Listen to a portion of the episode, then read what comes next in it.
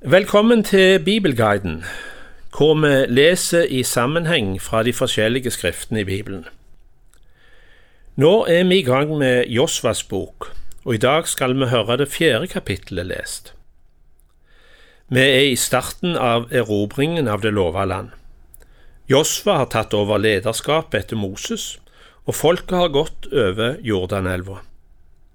Den gikk stor i vårflommen, men så snart prestene som bar paktens ark, trådte ut i vannet, stoppa vannføringen. Det siste vi leste fra kapittel tre, var dette.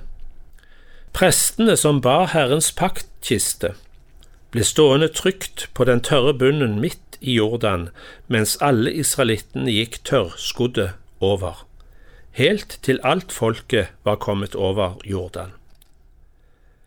Som et håndfast bevis på at dette virkelig hadde skjedd, tok nå en representant fra hver stamme med seg en stein opp fra bunnen fra Jordan og bar den opp til den første lærplassen i Gilgal, som ligger like i nærheten av Jeriko.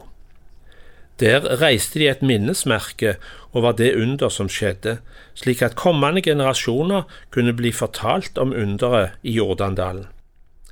I tillegg til det Josfa skrev ned i si bok, hadde en altså et håndfast bevis på at føttene til flere tusen israelitter hadde gått over elvebånden.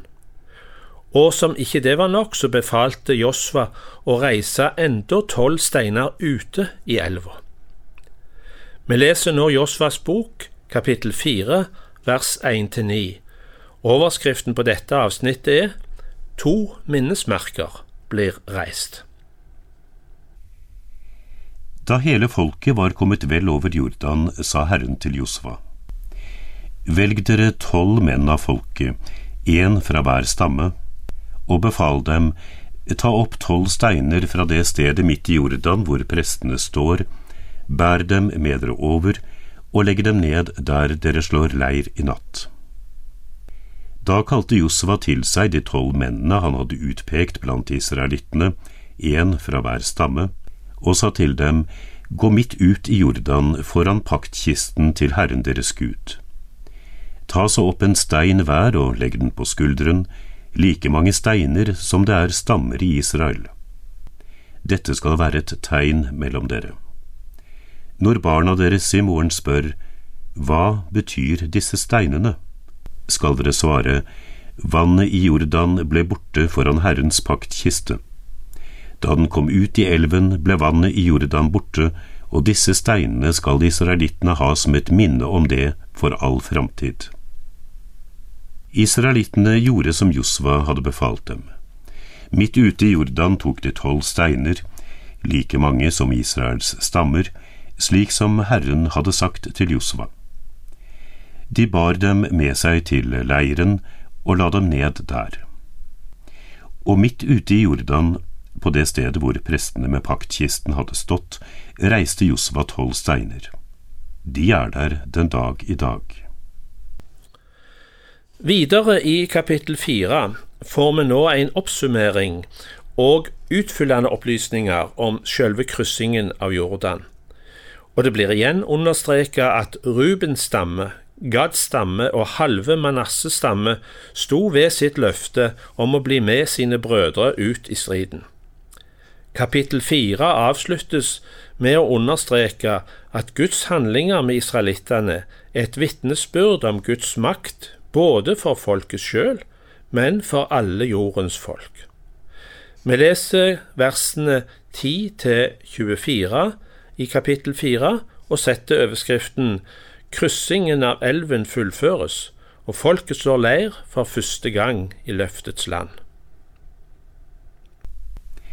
Prestene som bar kisten ble stående midt ute i Jordan til alt det var utført som Herren hadde befalt Josva å si til folket, slik også Moses hadde befalt Josva. Folket skyndte seg over elven. Da alle var kommet over, gikk prestene videre foran folket med Herrens paktkiste. Rubenittene og gadittene og halvparten av Manasses stamme gikk fullt rustet i spissen for israelittene, slik som Moses hadde sagt dem. Omtrent 40 000 mann, væpnet til strid, gikk for Herrens ansikt over elven mot slettene ved Jeriko for å kjempe. Den dagen gjorde Herren Josva stor i israelittenes øyne, og så lenge han levde, fryktet de ham slik de hadde fryktet Moses. Herren sa til Josva, Si til prestene som bærer kisten med vitnesbyrdet, at de skal stige opp av Jordan. Og Josva befalte prestene, Stig opp av Jordan. Med det samme prestene som bar Herrens paktkiste, steg opp av Jordan og satte foten på tørt land, vendte vannet i Jordan tilbake igjen og flommet over sine bredder som før. Det var den tiende dagen i den første måneden at folket steg opp av Jordan. De slo leir i Gilgal ved Jerikos østgrense. De tolv steinene som de hadde tatt med seg fra Jordan, reiste Josva i Gilgal og han sa til israelittene, Når barna deres i morgen spør sine fedre, hva betyr disse steinene? Skal dere forklare det for barna og si, Her gikk israelittene over Jordan på tørt land. Herren deres Gud tørket ut vannet i Jordan for dere til dere hadde gått over, slik Herren deres Gud gjorde med Sivsjøen, som han tørket ut for oss til vi hadde gått over.